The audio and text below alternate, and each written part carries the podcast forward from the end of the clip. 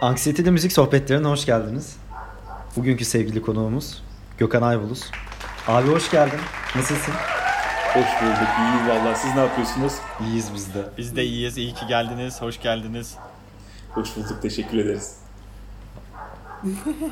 Deyip programı burada bitiriyoruz. Koptular değil mi? Abi nasıl geçiyor Ya günlerin? o- Her misin? şey yolunda mı? Yolunda yolunda her şey. Sıkıntı yok ya. İşte bu şey artık pandemi biraz hafifledi gibi ya böyle hani şeyler. Ee, dışarı sokağa çıkma şeyleri falan. Aslında hafiflemedi de biz hafiflettik kendi şeyimizde. Nezdimizde. Öyle çıkıyoruz, geliyoruz falan. Takılıyoruz yani. Siz ne yapıyorsunuz? Valla bizler de iyiyiz. Bizim de işler birazcık açıldı gibi. Ama e, tabii eski performansta bir anda böyle normalleşmedik biz de ama çocuklar birazcık sıkıldı. Tabii tabii. Onlar geliyorlar falan filan. Bende durumlar böyle. Doğuş ve Özgür'de nasıl? Ben, Ben de ufak bir normalleşme sürecindeyim işte. ufak Pardon sen devam et. ne kadar ufak? Aynı anda konuşacağız. 3, 2, 1 pasaj bunu. konuş konuş. Ben ber- berbere gittim. Bendeki en büyük değişim bu. Ee, Onun dışında başka bir değişim yok yani korona durumlarıyla ilgili. Evet. Özgür. Dinleyenler özellikle fark edecek berbere gittiğini pasaj bunu. Ama bir şey söyleyeceğim. Ben ilk berberlerin açıldığı gün biliyor musun gittim. Büyük bir cesaret gösterip ve özellikle e, böyle şeye denk getirmeye çalıştım. Öğleden önceyken yani en, ne kadar az insan giderse o kadar bulaşma ihtimali az olur diye böyle. 3 maskeyi üst üste takarak tabii 3 maske üst üste taktım da bir işe yaramadı. Çünkü sakal tıraşı için adam bütün maskeleri çıkarttı. Dolayısıyla Ama Böyle bir durum oldu daha yani. sıcak olduğu için muhtemelen şey olmadı. Evet, olmadı. evet. Aynen öyle yani. Hmm, çok güzelmiş. Abi bu arada tekrar çok teşekkür ederiz. Şöyle ben bir giriş yapayım. Böyle bir müziğe başlangıç hikayen. Seni tanımayanlar da dinleyeceği için bu podcast'te biraz giriş yaparsam biz çok mutlu oluruz, seviniriz. Bu hikayenin gidişatına Tamam. göre biz de sana sorular sormak isteriz. Ya benim müziğe başlama hikayem e, daha önceden belki dinleyenler vardır aranızda hani e, böyle şey e, nasıl söyleyeyim çok küçük yaşta oldu. E, böyle babam işte rahmetli o şey yapmış hani benim böyle reklam müziklerini falan e, tekrar ettiğimi fark etmiş. Onun üzerine böyle ufak bir cep orgu gibi bir şey almış. Ondan sonra orklar gitgide büyüyerek işte bir ork kursuna başlamıştım. Ee, orada da birazcık böyle geliştirdim. Sonra bir e, Sezgin abim vardı. Onunla beraber akordeon e, öğrenmeye başladım. Sonra da konservatuar yarı zamanlı işte e, başladım. 91 mi? 90, 90 ya da 91 senesinde yarı zamanlı başladım. Yarı zamanlı derken şey oluyor değil mi? Ee, Normal e, okula da gidiyorsunuz. Aynen. Ya o ilkokul 4'e gidiyorduk. Ee, ya ilkokul 4'teyken başladım. İlkokul 4, ilkokul 5. Yani sabah işte 8.30'dan ö- öğlen öğleden sonra 3.30'a kadar okul. Ondan sonra da 4.30 gibi falan galiba başlıyordu dersler. Koştura koştura konservatuvara gidiyordum. İşte solfej dersiyle piyano dersi vardı sadece. İki sene öyle hazırlık okudum. Sonra da orta birden tam zamanlı olarak devam ettim. Devam. Evet. Tamam o zaman Öyle. falan diye. Falan diye Oldu o zaman. Ve bu iki yılın ardından Peki. e, Konservatuar Ha pardon. birazcık konservatuar yıllarına gitsek mesela. Evet. Gökhan abi o, o dönemlerden na- nasıl tanımlarsın eğitimini? Ee, hangi konservatuardaydın bu arada? Eskişehir'de ama? Eskişehir Anadolu Üniversitesi Devlet Konservatuvarı'ndaydım. İşte orada liseyi bitirdim. Lisans 1'e geçtim. Ondan sonra lisans 1'den sonra tekrar Moskova'ya işte gidip tekrar lisans öğretimine sıfırdan başladım. Ee, hazırlıkla beraber. Ya konservatuvar öğretimi tabii şeydi e, bizde. e, bizim zamanımızda çok kısıtlı imkanlar vardı. Ee, işte orkestra yoktu, hocaların oluşturduğu bir orkestra vardı falan. İşte senede bir defa Eskişehir Müzik Festivali olurdu. O gidip onları dinlemeye çalışıyorduk falan böyle. Hani e, öyleydi yani. yani. Biz kendi şeylerimizle, imkanlarımızla e, kendimizi geliştirmeye çok çalıştık o zamanlar. Şu andaki gibi değil yani. Şu anda tabii yaşadığımız şehirde muhteşem imkanlar var. Ee, yani keşke o zaman da öyle olsaymış diyorum ama işte biz de böyle değerini anladık aslında. O şeylerin ne kadar e, aslında güzel bir şey oldu bizim için çünkü ulaşılmazdı o zamanlar. İşte kayıtlar, işte konserler falan. Evet. Şimdi e, hepsi var ama işte belki de çoğu öğrenci pek değerini bilmiyor.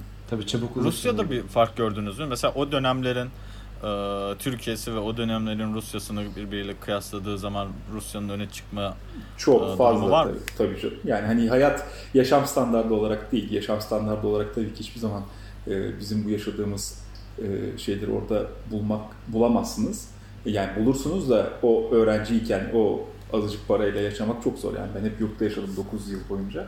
E, ama e, şey olarak nasıl söyleyeyim e, kültür sanat hayatı olarak tabii ki şey e, kıyaslanamaz düzeyde. Evet. O asla kıyaslanamaz düzeyde. Yani tabii ki bizim de çok değerli şeylerimiz, yani çalışmalarımız, müzisyenlerimiz var, konser salonlarımız var ama Rusya'daki gibi asla olamaz yani. Çünkü onlar çok başka bir şeyde, hani ligde öyle söyleyeyim. evet. Peki e, klasik müzik okula girmeden önce de dinlediğin bir tür müydü? Yoksa okulla birlikte mi daha fazla işte? Yani dinliyordum aslında e, ama şey, e, ya tabii okula girdikten sonra daha çok yoğunlaştı. Hı hı. Ee, yani çok da fazla bilgim yoktu açıkçası. Aslında benim hani Eskişehir'de ilk öğrencilik yıllarımızda da bizim benim kendi adıma söyleyeyim klasik müzik dağarım hani böyle şey e, dinlediğim eserler falan okulun kütüphanesindeki ya da işte benim alabildiğim kasetler veya CD'ler düzeyindeydi. Hı hı. İşte ancak büyüdükçe, araştırdıkça falan biraz daha böyle farklı bir e, şeye ulaştım. E, hala da yeni yeni şeyler keşfediyorum ya. O kadar büyük bir e, şey ki hani nasıl söyleyeyim e, böyle okyanus gibi Evet. e, dinledikçe yeni bir şey çıkıyor ortaya falan. Öyle yani. Hmm, Bir de bir şey daha sormak istiyorum. Bu konularda çok şeyim, e, uza piyanoya özellikle. E, böyle ama aldığımız işte Batı tarihi dersinde işte ekoller, işte Alman ekolü, Rus ekolü Hmm. gibi ekoller duyduk. Hı hı. E, bu oradaki eğitim hayatınızda böyle bir Rus ekolünü e, benimsedim ya da bunu ağırlıklı olarak öğrendim gibi bir şey söz konusu muydu? Yoksa genel olarak Batı müziğinin genel o e, genel çerçevesi kapsamında mı ilerledi? Yok tabii ki Rus ekolünü hani biz orada benimsiyoruz. Fakat Rus ekolü dendiğinde şimdi tabii ki hani biz de hep dinledik bunu işte Fransız okulu işte ya da işte ekolü, işte Alman ekolü, e, Rus ekolü falan diye şey yapıyoruz. Fakat Rus ekolü dendiğinde de aslında içinde o kadar farklı şeyler var ki yani Hı hı. işte atıyorum konservatuarda böyle 25 tane profesör varsa belki daha bile fazla yani atıyorum şu anda E, tam olarak sayısını bilmiyorum. E, onların hepsi o kadar farklı şeyler gösteriyorlar ki kendi içlerinde bile çok fazla ayrılıyorlar. O yüzden Rus ekolünün bence tanımı tam olarak birazcık şey gibi geliyor bana disiplin gibi geliyor yani. E, hani karşılığı birazcık bana şey gibi yani bu çalışma anlamında iş alma değil de çalışma anlamındaki disiplinleri e, ve yani bu, o kadar disiplinliler ki o yüzden böyle bir şeyler var. Bir de tabii ki başlangıçta yani e, piyanoya başlangıçta bu el pozisyonunda işte ses şeyinde falan çok büyük farklılıkları var tabii Rus ekolünün. Diğer ekollere göre bence. Evet. Evet zaten e, şeyde Anadolu'daki e, öğretmenin de Rus ekolündendi değil mi? Ferit Hoca yine mi başlamış? Yani Zöhrep Hoca, evet rahmetli Zöhrep Hoca, Ferit Hoca da o şekildeydi. Ee, ondan sonra ama tabii şey hani onlar biraz daha farklıydı yani oraya gidince çok daha farklı şeyler öğrendim. Hani, Hı hı. Ee, burada birazcık daha tabii biz işin yüzeysel şeyini öğreniyoruz. Hani böyle biraz çok derinlemesine giremiyorsunuz falan. Hı. Orada çok daha farklı e, şeyler keşfediyorsunuz, fark ediyorsunuz. Orada birazcık daha bilimsel yaklaşıyorlar bu işe yani hani öyle söyleyebilirim. Ben şöyle olduğunu düşünüyordum hep. Ee, belki bu işte 1500. baskı olacak podcastlerde ama e, orasının kendi sanat müziği olduğu için bu öğrendiğimiz bizim şu anda yeniden öğrenmeye çalıştığımız konservatuarda o batı sanat müziği biz sonradan öğrenmeye çalışıyoruz ama o adamların kendi müziği olduğu için artık teorisine, pratiğine, öğretme biçimlerine vesaire daha hakim oldukları için yani o şeyde sıkıntı yaşamış mıydın Rusya'ya gittiğinde? Ya ben anlayamıyorum ne anlattıklarını Ya da- tabii tabii hayır bir de şöyle bir şey de var yani şimdi e, ba- başka sıkıntı ilk sıkıntı yaşadığım şey şu biz burada çok geç başlıyoruz ya müziğe ben 9 yaşımda mı 8 yaşımda mı ne 9 yaşımda başladım yanılmıyorsam-. Hı hı. Tabii 90 91 desen. E, dolayısıyla e, ya onlar 3 4 yaşında hatta daha bile önce başlıyorlar. Dolayısıyla şey var yani hani senin e, ben 18 yaşında 17 yaşında gittiğimde böyle uğraştığım şeylere çocuk zaten çocukken böyle hani e, 6-7 yaşındayken çözmüş yani 8 yaşındayken çözmüş. Artık refleks olmuş. Sen hala gidip orada işte şunu böyle mi yapsam, bunu şöyle mi yapsam diye uğraşıyorsun. Ya yani en büyük yaşadığım sıkıntı oydu benim. Zorluk oydu. Diğer taraftan da tabii ki şimdi dedim ya burada birazcık daha yüzeysel bir eğitim görüyorsunuz. Orada öyle dersler yapılıyor ki mesela e, hani hiç piyanoya oturmadan bile adam o kadar güzel bir şekilde anlatıyor sana böyle çok soyut şeylerden bahsediyor. Şimdi onu aslında anlayabiliyorsun fakat ifade edemediğin için böyle sen yeterli olmadığı için o çok ciddi anlamda sende sıkıntı yaratıyor. E, tabii onların öyle bir derdi yok, problemi yoktu o şeyde. İlk gittiğim zamanlarda ben hatta dedim ben ilk sene ben piyanoyu bırakmak istedim ya, dönmek istedim yani. Vay be. O kadar şey oldu. İlk dönem. İkinci dönem babam çok böyle şey yaptı. Oğlum yapma bak pes etme o kadar uğraştın ettin falan diye. Sonra işte devam ettik. Gökhan abi bu arada hocanın yönlendirmesiyle mi Rusya olayı oldu yoksa sen kendin mi seçtin? O hikaye nasıl Ben kendim istedim. Ben kendim çok istedim. Anladım. Ben kendim çok istedim. Hatta orada çok farklı bir hikaye vardı. Ona muhteşem girdik. Dolayısıyla ama gittik yani. Sonuç nihai şey çok güzel oldu. Süper abi. Aslında izin vermeyeceklerdi ama bir şekilde izin verdiler yani. Çok Peki güzel. oradaki Peki... yurt maceran, yaşam falan nasıl oldu abi? O işler zordur ya. Abi o tam macera ya. Böyle survivor şey. hani hangisinden bahsedeyim? Tuvaletlerden mi, duşlardan abi mı? Abi hepsinden bahset. İşte mutfaklardan mı? Tüm anksiyetelerinden bahset bize. Abi anksiyete sahibi olmak istiyorsan zaten Moskova Çaykovski Konservatuvarı'nın yurdunda böyle bir hafta yaşasan aklına gelebilecek her türlü anksiyeteyi yaşarsın işte hamam böceği. Hamam böceği değil onlar da. Onlara başka bir tür söylemek lazım. Çünkü mutant yani hani. Bodrum'da gördüğümüz şeyler. Abi yani lağım faresinin merdiven çıkamadığını gördüm şeyden. Büyük bir böyle şişkoluktan böyle merdivene tırmanan. Ağır yaşamlar. Böyle bir şey yok. Bilmiyorum bir yerlere çıkabiliyor ama hani bu çıkamıyordu benim gördüğüm. Ondan sonra şey yani her şey vardı abi. Bir de şeyi fark ediyorsun. Hayatında sürekli var olup da aslında e, nasıl söyleyeyim hiç böyle farkına varamadığın şeylerin değerini anlıyorsun orada. Mesela bir çamaşır makinesi. Hani bulaşık makinesine zaten hiç girmiyorum da. Hı hı. E, çamaşır makinesi o kadar önemli bir şeymiş ki biz orada anladık. Yani biz bir tane e, orada Galina diye bir kadın bulduk ilk gittiğimiz ikinci ya da üçüncü senede hatırlıyorsam. Yanlış hatırlamıyorsam. E, Şimdi kadından rica yaşlıca bir kadındı. E, işte para veriyorsun, senin çamaşırlarını yıkayıp getiriyordu. Fakat e, bir kere sabah 5'te geliyordu yurt kapısına böyle kırarcısına vurarak falan böyle. Senin çamaşırlarını alıyor. Ertesi sabah 5'te ya da iki sabah sonra işte 5'te getiriyor tekrar. Şimdi ilk bir iki defa güzeldi. Sonra kadın ya yumuşatıcı kullanmayı bıraktı ya deterjan hiçbir şey kullanmıyordu yani. Kotu böyle yan tuttuğumda dimdik durabiliyordu abi. Yani öyle bir şey vardı ki yani böyle içine giremiyorsun. Taşlaşmış mermer olmuş kot öyle. Öyle olunca da biz onu bıraktık tabii. Ee, yine elde yıkamaya geri döndük. Sonra seneler sonra yurda bir şey aldılar. Bir çamaşır makinesi aldı. iki tane çamaşır makinesi aldılar. İşte onun için de e, böyle bir kış sabahı düşün. Dışarısı eksi 25 derece. E, sen sıcacık yatağından kalkıyorsun yurtta. Birinci yani giriş katında o kapının oradan soğuk geliyor böyle. Hani montumuzu falan giyiyorduk yani yurdun içinde olmamıza rağmen. Hı hı. Sabahın 5.30'da gidiyorsun 6'da şey açılacak. Sadece 8 kişi şey yazdırabiliyordu. İsim. E, isim yazdırabiliyor. Dolayısıyla sen sıra kapman lazım. Biz işte böyle gidiyoruz. işte bekliyoruz falan. Çünkü çamaşır yıkamak için tek şansın o. Bu çamaşır makineleri de toplamda bir ay çalıştı sonra bozuldu. Hmm. İçinde işte çakmak çıktı, o çıktı, bu çıktı falan. Hmm. Sonra yine gitti çamaşır makineleri. Bu arada öyle bir şey ki yani hani o kadar çaresiz durumlarda kalıyorduk ki mesela biz bir gün bekliyorduk böyle. Bizim Ekvatorlu bir arkadaş vardı. Andres diye.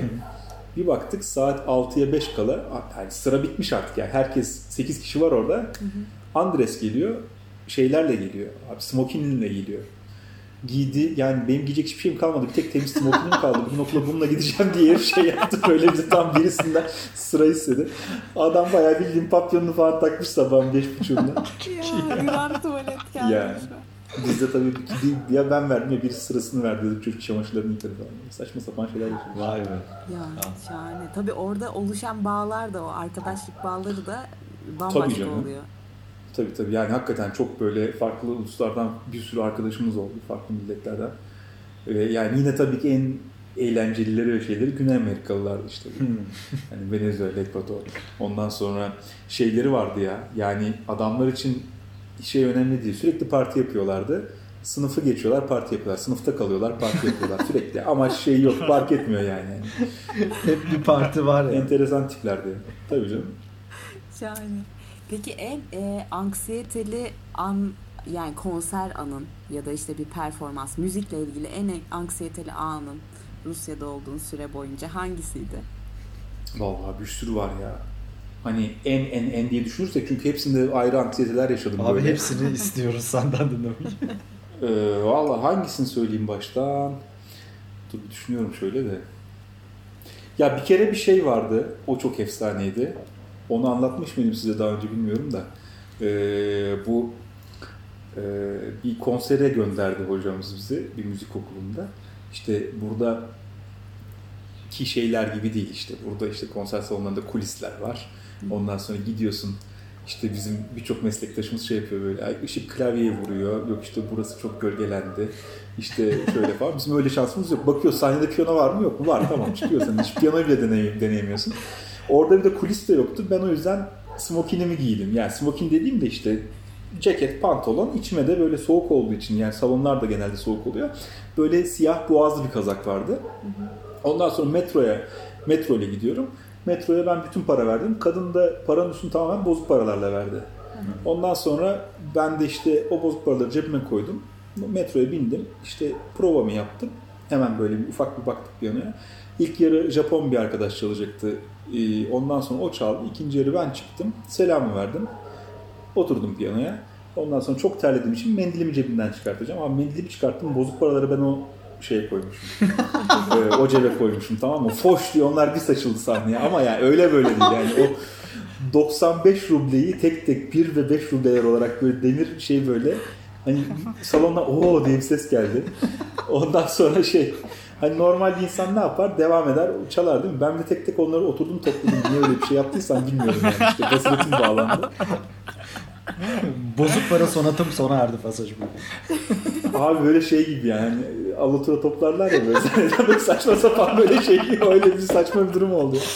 Esas esas olay şeyde çok fena oldu yani o herhalde hayatımın hayatımda yaşadığım en garip olaydı şeyde e, sahnedeyken. 2017 yılında benim hocamın yani ölen hocamın 90. yaşını anma konseri vardı. Beni de davet ettiler konsere. Ben de gittim. İlk yarıda çaldım. İkinci yarıda da e, hocamın oğlu müthiş bir piyanist Alexander Starkman. E, o işte bir kuartetle beraber Frank'ın kentetini, beşlisini seslendiriyorlar. Çok uzun ve çok mü- müthiş bir eser ama e, ben de dedim ki ben sana sayfa çevireyim. Çıktım işte. E, tabii ilk bölümü çalıyorlar. E, birinci sayfayı çevirdim, ikinci sayfayı çevirdim, üçü çevirdim falan böyle gidiyoruz. Böyle en derin ve şey muazzam böyle sessiz bir yerinde ben kalktım sayfayı çevirdim ve o sırada ben oturdukça sandalyenin ayağı gitgide şey oluyormuş abi. içe doğru kıvrılıyormuş. ha ben bir oturdum. Ya böyle bir düşüş yok. Yemin ediyorum ben herkes sallandı. Salondan yine o oh diye bir ses geldi böyle tamam mı? Abi ben kendimi yerde buldum. Herifler çalmaya devam ediyor. Yazık Saşa dönüyor bana. Gökhan iyi misin falan diyor. Ben anlamadım ne olduğunu. Ve daha bölümün bitmesine 8 dakika var. Ve ben adamın başına zangoç gibi böyle dikildim tamam mı? Hani böyle oturacak sandalye yok çünkü sandalyeyi kenara aldım ve hala sayfa çeviriyorum falan böyle. Düşün arkada sahne arkasından duymuşlar nasıl bir sarsıntı olduysa bana yeni sandalye getirdiler. Ve bu konserleri kaydediyorlarmış aslında. Ben o konserin kaydını çok bekledim. Yani YouTube'a düşseydi ben fenomen olurdum yani gerçekten fenomen olurdum. Düşünsene 115 kilo böyle down diye düşüyor böyle yani. Abi çok iyi ya. Şahane. Peki bunun sonra da böyle kulis arkasında ne konuşuldu mesela onu daha çok merak Kulis ediyorum. arkasında konuşma Para değil. İnsanlar te- tebriğe gelmek yerine herkes bana iyi misin, geçmiş olsun falan diye geldi böyle yani. Çiçekle geçmiş olsun. Bir de rol çaldım orada yani. Vay be. Bu şeyde para muhabbetinin kulis arkasında neler konuşuldu? Vallahi onda hiçbir şey öyle bir şey konuşulmadı. Yani enteresan birisi geldi çok enteresan buldum yaptığınızı falan dedi. Ondan sonra gitti yani. Hakikaten ben de enteresan buldum. Yani niye öyle bir şey yaptığımı hiç bilmiyorum yani. Deneysel Ya bir çalışmaydı belki diyor. onlar performans gibi falan da düşünmüş olabilirler. O müzeye gözlük unutma muhabbeti gibi olmuş olabilir yani. Ya tabii. Bir de şey vardı o çok fenaydı ya. Ee, Perm şeyi, Filarmoni ikinci piyanosunu almış. Yani yeni bir tane Steinway diye piyano var bizim çok büyük bir marka. Çok güzel piyano. İşte ikincisini almış. E, dolayısıyla böyle bir festival e, yapmış bunun için ve festivalin açılış konserine de eşimin, Şeniz'in e, yardımcı piyano hocası benden rica etti gidelim iki piyano çalalım dedi. Bu arada yardımcı piyano hocası diyorum ama adamın Chopin Etütler CD'si var yani muhteşem bir piyanist bu arada yani inanılmaz bir piyanist. Ondan sonra e, tabii dedim seve seve yani nasıl gideceğiz dedim. Trenle gideceğiz dedi. Nasıl trenle? 27 saat dedi. Tamam gideriz dedim. Ne kadar kalacağız? 4 saat kalacağız. İşte konser vereceğiz. Tekrar 27 saat döneceğiz dedi. Peki dedim. Yani uçak yok mu? Yok herhalde dedi. Ondan sonra biz 27 saat trenle gittik. Bu arada adamla prova falan yaptık. E, işte ilk başta Mozart sonat çalacağız. İlk, ve sonra da Rahmaninov suite çalacağız. iki piyano suite'i. E, çok düzenli bir adam bu arada. Müthiş titiz bir adam. E, böyle neden şimdi titiz dediğimi anlayacaksınız. E, gittik işte sahneye çıktık. Bu arada bütün protokol var. İşte vali, bilmem ne, belediye başkanı, basın mensupları falan hani festival açılışı. Flashlar patladı işte. Fotoğraflar çekildi falan. Biz Mozart sonata başladık. Sonra Rüstem işte şey e, arkadaşın ismi piyanistin. Rüstem bir saçmalamaya başladı. Sonra durdu. Ben de herhalde dedim, yerini kaybetti ben onun partisini çalmaya başladım. Dedim ki yani çok ağır bir şey bekliyor şu anda bizi yani, yani skandal bekliyor. Adam durdu çünkü. Ve elini kaldırıp Gökhan bir dakika dedi tamam mı? Durdum ben de. Salondan fısır fısır sesler gelmeye başladı. Ben benim kalbim böyle güm güm güm atıyor ne olacak falan. Gökhan dedi benim bir sayfam düşmüş yok dedi yani. Şimdi o kadar düzenli bir adam ki böyle bir şey olmasının imkan ve ihtimali yok. Ondan sonra adam gitti. Eyvah. Bu notasına gitti? Ben kaldım sahnede böyle tek başıma tamam mı? Herkes bakışıyoruz falan böyle. Hani dedim yani va- protokol var, basın mensupları var falan. Abi. Ondan sonra o an düşündüm kulisin anahtarı bende tamam mı? Adam gitti ama nereye gidiyor? Kulisin anahtarı bende falan. Sonra iki dakika sonra geri geldi. Gökhan anahtar sende mi diyor. Tamam mı? Yani sahnede oluyor bu olaylar. Sonra ben de koşturarak gittim falan böyle. Millet koptu, güldü falan. Sonra baktık yerde düşmüş o şey notanın şeyini bulduk. Onu böyle işte ikimiz böyle tutarak çıktık sahneye falan böyle. Ya inanılmaz. Saçma sapan bir yanı daha vardı yani. konseri. Benim hayatım dolu böyle şeylerle ya vallahi. Oh ya. Türkiye versiyonları İnanılmaz. var mı bunun? Bunların. Ne? Türkiye versiyonları var mı bunların? Türkiye versiyonu da var canım. Deprem oldu konserde mesela. Abi. Ne oldu İzmir'de, mesela o İzmir anda Sanat'ta. de- deprem oldu ve boşaltıldı mı salon? Hayır bir kişi çıktı sadece. o çok anksiyeteli olan. O da bendim falan. Yani o anksiyeteli arkadaş oydu galiba. Biz çıkamazdık tabii. Konseri biz verdiğimiz için. Ve konser verdiğim arkadaş da biraz şeydi, depremden korkuyormuş galiba. O bayağı sıkıntı yaşadı. O bir tenordu. Ve yazık çocuk bir, bir, hafta boyunca kampa girdi ve son iki gün hiç ne tuzlu yiyor ne işte tatlı yiyor. Sa- Sadece haşlanmış makarna sesine şey olmasın diye işte telefonlarını açmıyor. Bana yazarak cevap veriyor falan. Hmm. Tam konsere başladık deprem oldu. Hiç tabii her şey boşa gitti yani böyle bütün şey. Eyvah. bir Ama bağırışla. yine, yine bayağı güzel bitirdi yani. Hani, helal olsun yani. gemi batarken e, çalınan mevzular gibi olmamış ilk Aynen, aynen. gerçekten. Aynen. Öyle enteresandı yani. Abi çok Çok, çok değişik, çok güzel hikayeler ama. Peki abi ben kendi merakımdan sormak istiyorum sana. Şimdi burada piyano eğitimi alınan okullar sonrasında insanlar ya bir solist kariyer olarak hayatlarına devam ediyorlar e, ya da işte ne bileyim korepetitör olarak veya akademisyen olarak bir sürü seçenek seçenek var. Bu sistem Rusya'da da aynı şekilde öyle mi yoksa herkes zaten solist olmak için mi yola çıkıyor? Eğitim sonrasında nasıl bir şey- Yani- iş hayatı var? Şöyle sen sen mezun olduğunda senin e, diplomanda zaten yani benim diplomamda şu anda şey var. İşte korepetitör, oda müziği sanatçısı, solist ve öğretmen olarak dört ayrı dalda sana şey veriyorlar, yetki veriyorlar. Hmm. Yani benim diplomamda hepsi bunlar, bunların yazıyor. Tabii ama şey var yani bu herkes solist olacak ama özellikle Rusya gibi bir yerde yani çok çok çok iyi olman lazım ki Anladım. bir de birazcık şansın da olması lazım ki böyle işte filarmoni solisti olabil veya işte atıyorum böyle deli gibi konserler veren ünlü bir solist olabilmen için. Ama e, ya bizim Türkiye'de biraz daha farklı. Bizim Türkiye'de e, açıkçası şöyle bir sıkıntı var. Benim gözlemlediğim ki yanlış e, olarak düşünüyorum. E, yanlış olduğunu düşünüyorum. Şimdi solistlik, herkes tabii solistlik şeyle, idealiyle bu yola çıkıyor. Fakat hani solist olmak hakikaten zor bir şey. Yani sadece iyi çalmaktan öte hakikaten çok ciddi bir psikolojik şeyin olacak. E, işte ondan sonra zamanla iyi bölebileceksin bilmem ne falan bir sürü şey var ki e, bunlar hakikaten kolay şeyler değil. sürekli farklı repertuarlarla işte farklı konserlerde çalacaksın falan. Ee, ama işte onun yanında da mesela biraz daha böyle az başarılı veya başarısız insanları eşlikçi olarak şey yapıyorlar. Korepetitör olarak düş. Herkes böyle algılıyor. Aslında en zor e, Yani eşlik yapmak gerçekten çok zor bir şey ve çok e, emek harcamak gereken bir şey. E, çok dikkat gerektiren bir şey. Yani en az solistlik kadar bence zor.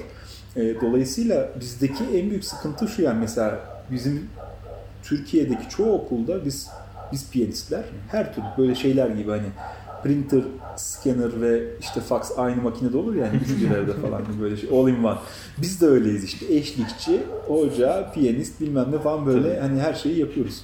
Dolayısıyla yani bu zaten doğru bir şey aslında değil. Hani e, ya eşlikçinin ayrı olması lazım. İşte oda müziği hocasının ayrı olması lazım. E, işte piyano hocasının ki piyano hocalarının da kendi içlerinde ayrılması gerekiyor. İşte lisans ve lisans üstü Kesinlikle. ve öncesiyle çalışacak işte çocuklarla çalışacak hocaların ayrı olması lazım falan. Tabii bunlar idealler. Biz daha bu şeye çok uzağız yani. Do- Dolayısıyla sağlıklı bir şey de veremiyoruz yani hani e, eğitim ne öğrenciler alabiliyor ne biz verebiliyoruz. Hı. Böyle bir durum var yani. Tabii doğru bir çıktı da olmuyor. Bir de e, şey gibi bir durum da yok. E, mesela ben işte solist olmak istemiyordum ama solist olmak dışında da e, oda müziğiyle ilgili bir lisans eğitimi alabileceğin bir yer yok. Ya da eşlikçilikle Evet. ilgili yok. Evet, Sadece evet, kesinlikle. solistlik eğitimi. İdeal Evet. daha doğrusu. Yani bizim şimdi baktığında e, orada hem eşlik dersimiz vardı, e, ondan sonra oda müziği dersimiz vardı. Yani bunlar ayrı şeyler. Ya da mesela yaylı çalgılardan örnek verirsek, şimdi burada oda müziğinde kuartet de giriyor.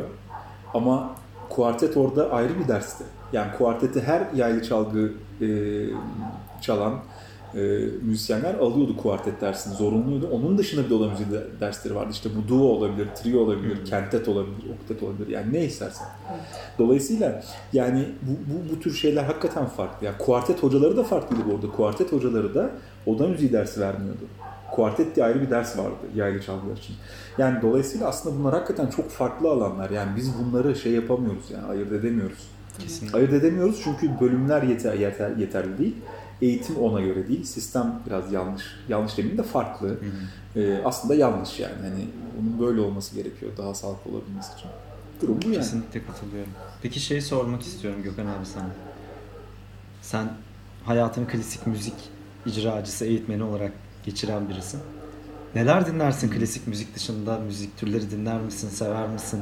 Bu konuyla ilgili Tabii neler tabii düşünüyorsun yani abi? e, çok farklı şeyler dinliyorum ya ben.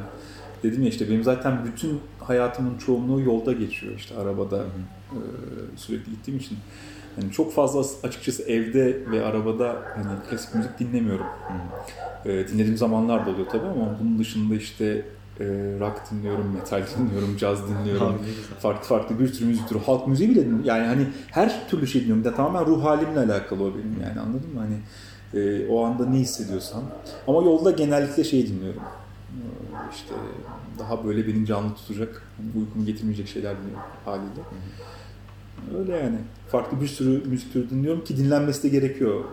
Yani çünkü onlardan da öğrendiğim, benim kendime kattığım çok fazla şey var.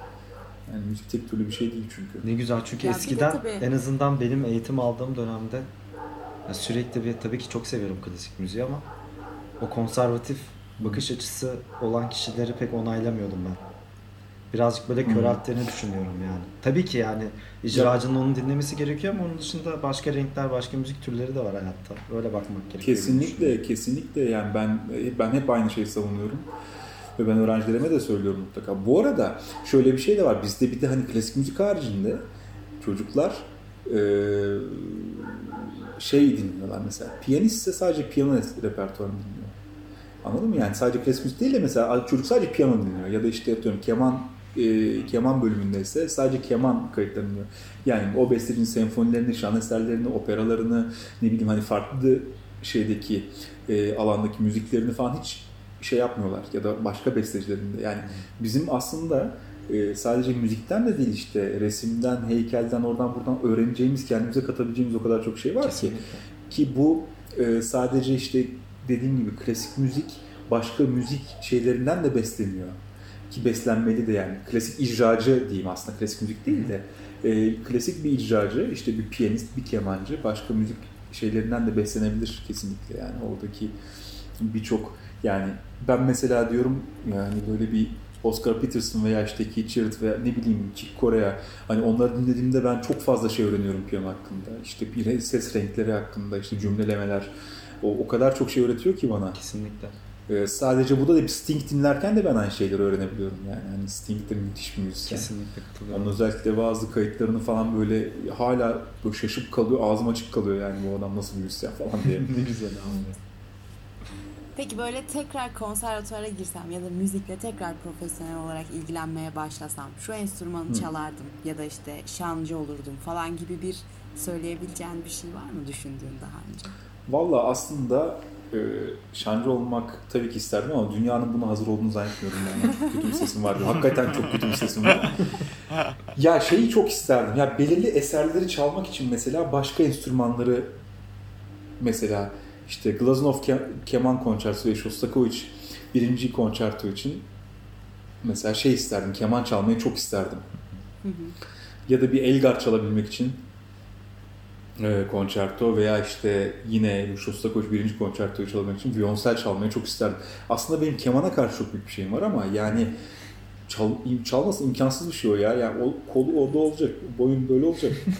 Zaten ufacık bilmem kaç santimlik tahtada böyle şey hani mikron şeylerle falan deli işi tamamen. yani. Ben 10 yıl Piyano denedim olmadı abi. abi. Ne saçmaladım. Ne? Ne? ben 10 yıl keman bölümündeydim zaten sonra. Abi çok zor Evet yani. bana öyle olsun geldi. Ben de tam tersine böyle elektrik bas ve kontrabasa doğru yöneldim. tam tersine gidiyordu. Evet, evet, gerçekten yani zor şey bir enstrüman. Etkili. enstrümanın kendine Çok- ayrı bir zorluğu var kabul ediyorum ama keman gerçekten başlı başına zor Keman çok zor abi. Keman çok zor yani. Şey için de şu başlangıçta dinleyen için de çok zor yani. Aile için falan da çok zor olsa Evet gerek yani. evet o. O ilk 6 ay. Çalışmaları yok bilmem ne. Yani gerçekten ciddi anlamda şeyi var kemanın. Ee, ama müthiş bir ses var tabii ki. Yani güzel çalındığında, güzel bir enstrüman olduğunda. Ee, ama diyorum ya yani ben düşünemiyorum kendimi keman çalarken. Böyle birkaç denemem oldu ya, olacak gibi. Evet. Ben bir de böyle bir noktadan sonra e, şeyde e, şimdi özel ders veriyoruz ya kemancı Hı. arkadaşımız veriyor mesela atıyorum 6 saat sadece başlangıçtaki kemancılarla çalışıyor. Bir noktadan sonra bende de o la falan kaybolur kesin yani. Onu tu- tutamam aynı oranda. Çok ya çok tabii zor. canım yani. Kulağın kanar ya sonra. Çok çok korkunç. Gökhan abi peki bu aralar neler yapıyorsun? Pandemi mandemi cart curt geçiştirdik gittik işte online konserler bir şeyler Ee, devam eden projeler falan var Ya mı? şöyle aslında pandeminin de kendi içinde farklı süreçleri oldu şimdi. Başlangıçta Doğru. hepimiz bir şok yaşadık. Ne oluyoruz falan hani evlerden çıkamadık işte endişeyle e, dünyayı takip ettik. Türkiye'de durum nasıl, dünyada durum nasıl, işte İtalya bir, bir ara çok korkuttu, işte Amerika'da şey oldu falan derken işte insan her şeye alışıyor ya böyle çok enteresan. Bu artık bana çok doğal Evet. gelmeye başladı ya da işte Kesinlikle. ee, şimdi hatta bugün fark ettim abi. Bugün ben dışarı çıktım. Ben şimdi bir baktım ha herkes maskeyle tamam mı? Bunu biz geçen sene böyle bir şey olduğunu, bir günde olduğunu düşünsene ya da işte filmlerde falan gördüğümüzde "Lan olur mu öyle şey dedik ama şu anda bana o kadar doğal geldi ki hiç yadırgamıyorsun Kesinlikle. yani. Evet. Tabii Ben buradan buraya nasıl geldim bir dakika. Ha, pandeminin de kendi içinde süreçleri vardı. Ee, sonra ikinci bu ilk sert geçişten sonra yavaş yavaş işte şeyler olmaya başladı. İşte daha çok evde deli gibi yemek yapmaya başladım. İşte e, benden online konserler istediler. Onları gerçekleştirdim. Hı hı. Ee, bir takım kayıtlar istediler işte TRT'den ya da işte başka e, Instagram hesaplarından yayınlamak için falan. Onları yaptım derken e, şimdi artık böyle biraz daha artık şey olmaya başladı. Artık ufak ufak mesela senfoni orkestraları ya da opera orkestraları konserler vermeye başladı. E, şimdi bana gelecek sezon için orkestralardan işte tarihler gelmeye başladı. İşte şu hangi orkestrayla hangi tarihte konser vereceklerim falan belli, belli olmaya başladı. Tabii bunlar iptal olur mu olmaz mı bilmiyorum ama hani bir takım şeye girdi artık yani ufak bir normalleşme sürecine girmeye başladı gibi geliyor bana. Ee, ama yani genel olarak bu son döneminde pandeminin yani ne zaman işte ne diyeyim bu sınırlar açıldıktan sonra e, falan biraz daha böyle bir rahatlama oldu. Biz biraz daha evden çıkmaya başladık. Dolayısıyla bu evde yaptığım aktiviteler biraz daha azalmaya başladı. Mesela artık dört günde bir kek yapmıyorum ya da işte e, ondan sonra mercimek ekmeği yapmıyorum. Evde ekmek mercimek ekmeği yapıyorum. Dolayısıyla tabii diyet de bitti. Yani şimdi çok güzel kilo vermiştim ben 9 kilo vermiştim. Tabii birazcık da alkolün falan da etkisiyle böyle o 4 kiloyu geri aldık ama şimdi onu vermeye çalışıyorum da diyorum ya yani pandemi kendi içinde benim şeyimde 3'e bölündü. 3 aşamadan oluşuyor yani. Evet. Evet. Ya geçen gün bir arkadaşımız kaldı bizde.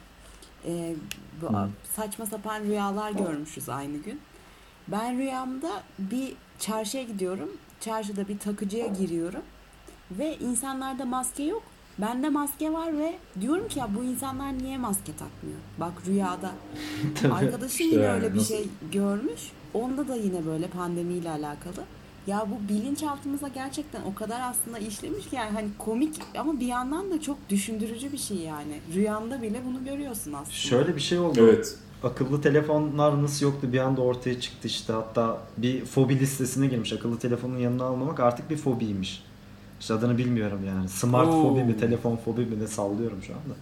Valla bende o fobi var. Herkesin bir fobisi var Evet. demek. Yani. Bir- Maske de var galiba oldu. Böyle ben bakınca böyle en yakın bakkala giderken gibi falan böyle tak böyle hemen yani telefon, cüzdan, anahtar tamam burada dördüncü maske oldu falan öyle bir giriş yaptı maskede yani ister istemez. Evet doğru hakikaten yani. Böyle bir Doğru hakikaten öyle yani. Ben şimdi mesela arabada falan şey yapıyorum. Bakıyorum maske azalıyor. Ben ilave yapıyorum falan böyle. Ya da mesela şey olduğunda ilave maske alıyorum falan. Hani bende şey vardır böyle bir.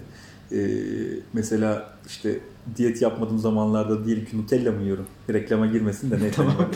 Şey yiyoruz çikolatayı yiyoruz falan. İşte onun dibinde mesela kalıyor ya ben mesela onu yiyemem abi. Yeni bir tanesini almam lazım ki illa Evet. onu bitirebileyim falan böyle saçma Evet. sapan şeyler var. Maskede öyle bir şey dönüştü yani. Takamıyorum falan. Bir, bir tane kalıyorsa mutlaka almam gerekiyor benim falan. buradan tüm çikolata severlere gelsin de saçmalığı. Evet ya. Peki abi bu e, hani şimdi pandemi sürecinde böyle online konserler oldu ya da daha farklı bir e, duruma evrildi artık bir takım şeyler. Fiziksel konserlere başlandıktan sonra da bu canlı konserleri devam ettirmeyi, aralara serpiştirmeyi falan düşünüyor musun? Valla aslında düşünülebilir biliyor musun? Çünkü şey e, ya ben hiç ihtimal vermiyordum böyle bir şey olacağına ve sonradan biraz e, deneyince bunu neden olmasın diyorsun ya. Çünkü şey hatta ben bunun için şey de yaptım şimdi yeni, biraz eski piyanomu verip daha iyi bir dijital de olsa daha iyi bir piyano aldım. Çünkü evden hakikaten yapılabilecek şeylerin aslında e, limiti yok diyebilirim yani. Hani Evet. ve insanlara bu biraz daha şey geliyor biliyor musun? Daha samimi geliyor. Şimdi tabii ki sahneye çıkıp da ya da işte bir dinleyici bir salona gidip orada konser dinlemesi çok farklı bir şey. Yani daha farklı bir sihri var ama bunun da diğer taraftan daha bir samimi ve sıcak bir etkisi var. Şimdi sen evindesin, insanlar seni evinden izliyorlar. İşte e, diyorum ya böyle o ilk Klavinova'yı ben aldığımda Bursa'daydı galiba 2011 yılındaydı yanılmıyorsam ya da 2010. Ee, böyle şey için almıştım hani çalışmak için falan değildi. Konserlerden önce e, okula gidecek falan şeyim yok zaten. Hani gece çalışmak istiyordum ben bazı şeyleri zaman kalmıyor. Gece işte bir saatten sonra kulakla çalışabilmek için almıştım. Toplasan da o piyanoda bak 2011'den 2020'ye kadar toplasam böyle üzerine 100 saat çalışmamışımdır hani. O kadar şeydi.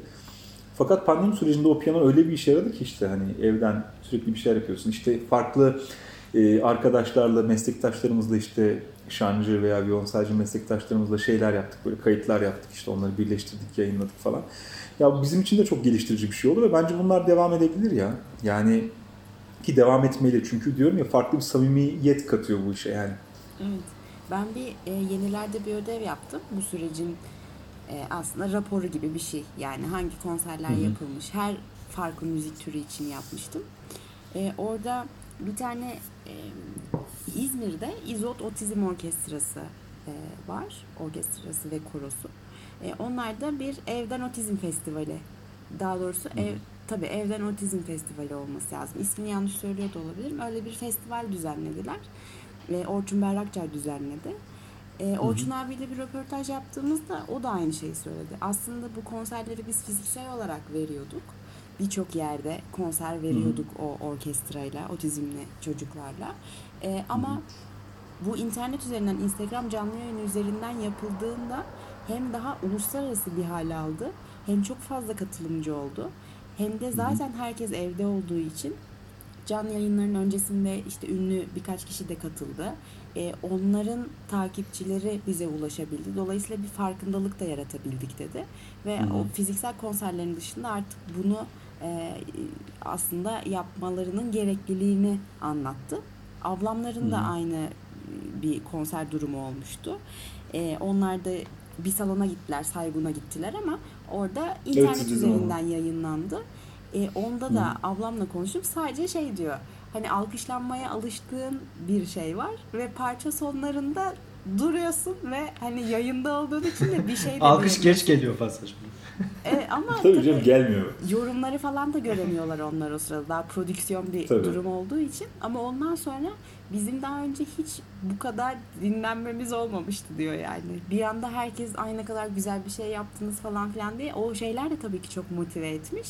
Aynı şeyi ablam da söyledi. Bundan sonra bence hani bunu devam ettirebiliriz. Yine fiziksel Kesinlikle. konserler daha çok olur tabii ama Kesinlikle. ekonomik olarak da tabii dinleyen için de aslında o konsere gidemeyecek biletini belki karşılayamayacak birisi için o canlı yayınlar. Tabii tabii. Ya ya da fiziki olarak yani hani atıyorum bir konser işte sen İzmir'de çalıyorsun ya da işte İstanbul'da çalıyorsun ama adam işte Ankara'da dinleyemiyor ama burada bu, bunun bir şey yok. Yurt dışından bile bir sürü insan dinledi işte benim o yaptığım şeyleri. Evet. Yani dolayısıyla gerçekten bu şeyi var bunun hani e, devam etmeli ama tabii bir yandan da şöyle bir olay da var. Bu biraz o kadar arttı ki özellikle canlı yayınlar falan. Şimdi Instagram'a bakıyorsun yukarıda hikayeler gözüküyor ya o hikayeler bir ara gözükmüyordu. O kadar çok canlı yayın var ki sıra sıra böyle. Hani şeye gelemiyorsun böyle. O bununla canlı yayında, bu bununla canlı yayında falan böyle. Artık şey oluyorsun bir süre sonra. ya, Hangisine katılacaksın, hangisini izleyeceksin falan. En sonunda ben kapatıyordum zaten. Tabii. Ya her her şeyde olduğu gibi artılarda eksilerde ama o eski ya hani yeni normal muhabbeti var ya yeni normalin evet. içerisinde tabii bu pandemiden bize kalan birçok şeyle güncellenecek o eski pratikler diye düşünüyorum ben de. İyi Evet kötü. ama yani ortak olacağımız tek bir şey var. Yani çok acayip bir şey şahit olduk. Tabii Evet. Oluyoruz da yani daha bitmedi. Daha ben biteceğini de düşünmüyorum. Ee, fakat yani bu bir şey geçişi gibi yani Hani farklı bir sisteme geçiş gibi yani büyük bir makas şeyindeyiz yani ayrımdayız şu anda. Kesin. Ve sanki o yola gibi yavaş yavaş gidiyoruz gibi yani bundan sonra bence hiçbir şey eskisi gibi olmayacak gibi geliyor. Yani hani olacaksa da biraz vakit geçtikten sonra olacak ama yine de olabileceğini bence açıkçası çok şey yapmıyorum çünkü e, yani işte aşı bulunursa diyoruz yani işte biraz daha normalleşecek her şey falan ama o aşı kim bilir ne olacak, nasıl yan etkiler olacak falan onları da Bir de o kadar fazla haber var ki abi işte evet, evet. aşının aslında bazı kaynaklar sizi Covid yapacağını söylüyor. Bir sürü durum karışıyor. Şey sormak Hı hı. istiyorum abi bu özellikle bu pandemi döneminde işte uzaktan eğitim, uzaktan konser gibi durumlar başladı. Özellikle öğrencilerinle işte görüntülü yaptığın Hı hı. dersler veya görüntülü yaptığın konserlerde nasıl hissediyorsun kendini normal sahne ve okula göre? Yani çok büyük bir Ya fark çok oluyor mu mental rahatsız. olarak? Yani rahat, rahatsız evde olduğunda daha rahat gibi düşünüyorsun ama değil yani Hı hı. işte şimdi biraz önce Esin söylediği gibi. Şimdi bir kere her ne olursa olsun canlı bir konsere çıktığında senin seyirciyle bir iletişimin oluyor. Etkileşimin Hı hı. oluyor. Yani ve bu illa iyi anlamda değil yani çok soğuk şeyler de olabiliyor mesela. Tabii. Bir konsere çıkmıştık. Antalya Piyano Festivali Expo'da bir konser yapıldı. Expo kaç bin kişilik bilmiyorum Çok yani. büyük bir alan. Kocaman bir yer ve bizim sahneyle seyirci arasında zaten şey vardı böyle neredeyse bir tenis kortu kadar böyle bir al- alan vardı. Dolayısıyla şey de yapamıyorsun lan oradan alkışlayacaklar mı alkışlamayacaklar mı kimsenin şeyini görüyor. O da çok zor bir şey ama yine de bir etkileşim oluyor yani iyi ya da kötü. Şimdi evdeyken hiç bilemiyorsun yani kim izliyor, ne yazıyor, ne yapıyor ya da işte izliyor mu, izlemiyor mu, işte beğendi mi, beğenmedi mi.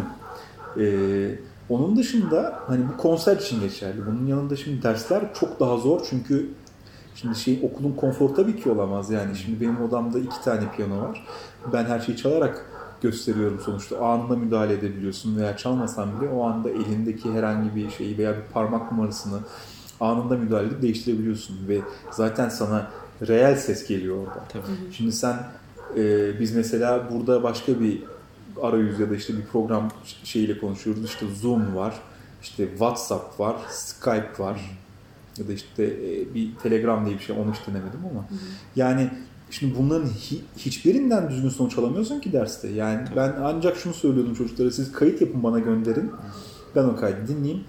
Görüntülü olarak bağlandığımızda da bu kayıt üzerinden şey yapalım. Çünkü yani o konuşmak için güzel. Evet konuşurken bile çoğu zaman kayboluyor sesler ama şey olduğunda müzik için falan hiç alakası yok. Belki bunun için bir özel bir uygulama geliştirilse falan Tabii. e, çok daha verimli olabilir ama yine de yani yan yana olduğun gibi olamaz. Tabii kesinlikle. Şu andaki sınavlar falan da sanırım kayıtlar üzerinden yapılıyor değil mi? Evet. Kayıtlar üzerinden yapıldı evet. Yani o da değerlendirmek de çok zor. Bir de işin komiği şey var yani her çocuğun evinde bir kiminin dijital piyano var, kiminin akustik piyano var. Tabii. Hani piyanoya geçtik. Şimdi tromboncusu var, arpçısı var.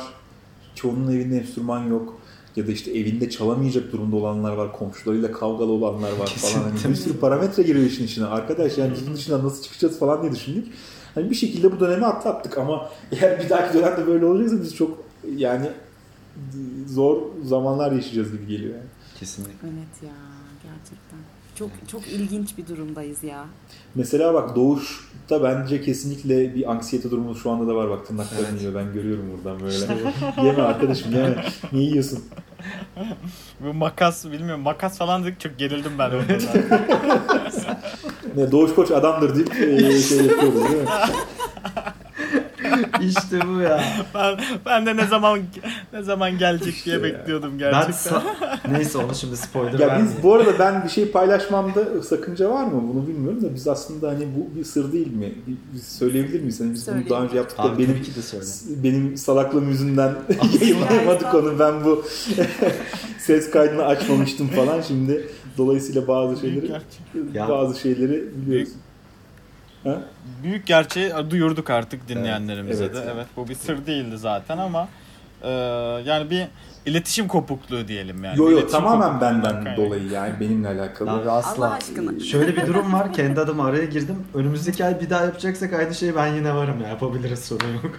Vallahi ama ama yani evet ya. Ben o kadar unutmuşum ki neler konuştuğumuzu. Şu anda bile şey yapıyorum ya. Yani bunları konuştuk mu falan diye kendi Şimdi bunların arasından da geçen kayıttan benim aklımda kalan subliminant esprim var abi. Ha evet. Ama, Ama şimdi sen cevabı ama sen baştan şeyi Ben söyledin. onlara- Daha espriler Ben ben onları unutmuştum bak. Hepsini unutmuştum. Neyse yeni bir tane Burak Kut esprim var onu da sonra söylerim. Abi Söyle iyi. ya abi merak ettim. Burak Kut şarkı söyleyemeyince ne derler? Ne derler? İki şey diyebilirler. Birisi Burak Kudent. Diğeri de bırak git. ya bunu umarım dinlemez Burak tabii yani nedense onun üzerinden. Çünkü bu şeyle alakalı. Ya Soğuk Savaş'ta izlemiştik yani. Burak Kut'un en sevmediği şey nedir? Beniyle oynanması. Hani benimle oynama diye şarkısı vardı ya onun. Buradan türettim birazcık. Yazık hep Burak Kut üzerinden gidiyoruz. O da O zaman tabii şu iğrenç espriyi de ben yapayım izninizle. Lütfen. Söyle hadi. Abi Yolla. Kenan Doğulu yolda gidiyor. Bir tane kızla çarpışıyor. Kitaplar yere düşüyor. Ne diyor? Ee, bir dakika dur. Ne diyor? Şey kitap şekerim. Oo. Peki bir şey sorabilir miyim? Bak bunu sordum mu hatırlamıyorum. Kenan Doğulu deyince aklıma geldi. Ee, Kenan Doğulu'nun Çakkıdı diye bir parçası vardı. Hatırlıyor musunuz Evet. siz? Evet. Hatırlar mısınız sizin şey? Tabii ki. Yeter mi buna. Evet. Hani o Çakkıdı parçasını kime yazmıştır Kenan Doğulu? Sormuş muydun bunu? Ben unuttum ama bunu. Hatırlamıyorum. gelmedi herhalde. Amanda. Hatırlıyor musun? Amanda hadi kalk kaynaşalım kız Çakkıdı Çakkıdı. Zirvede programı bitirelim diyorum ben.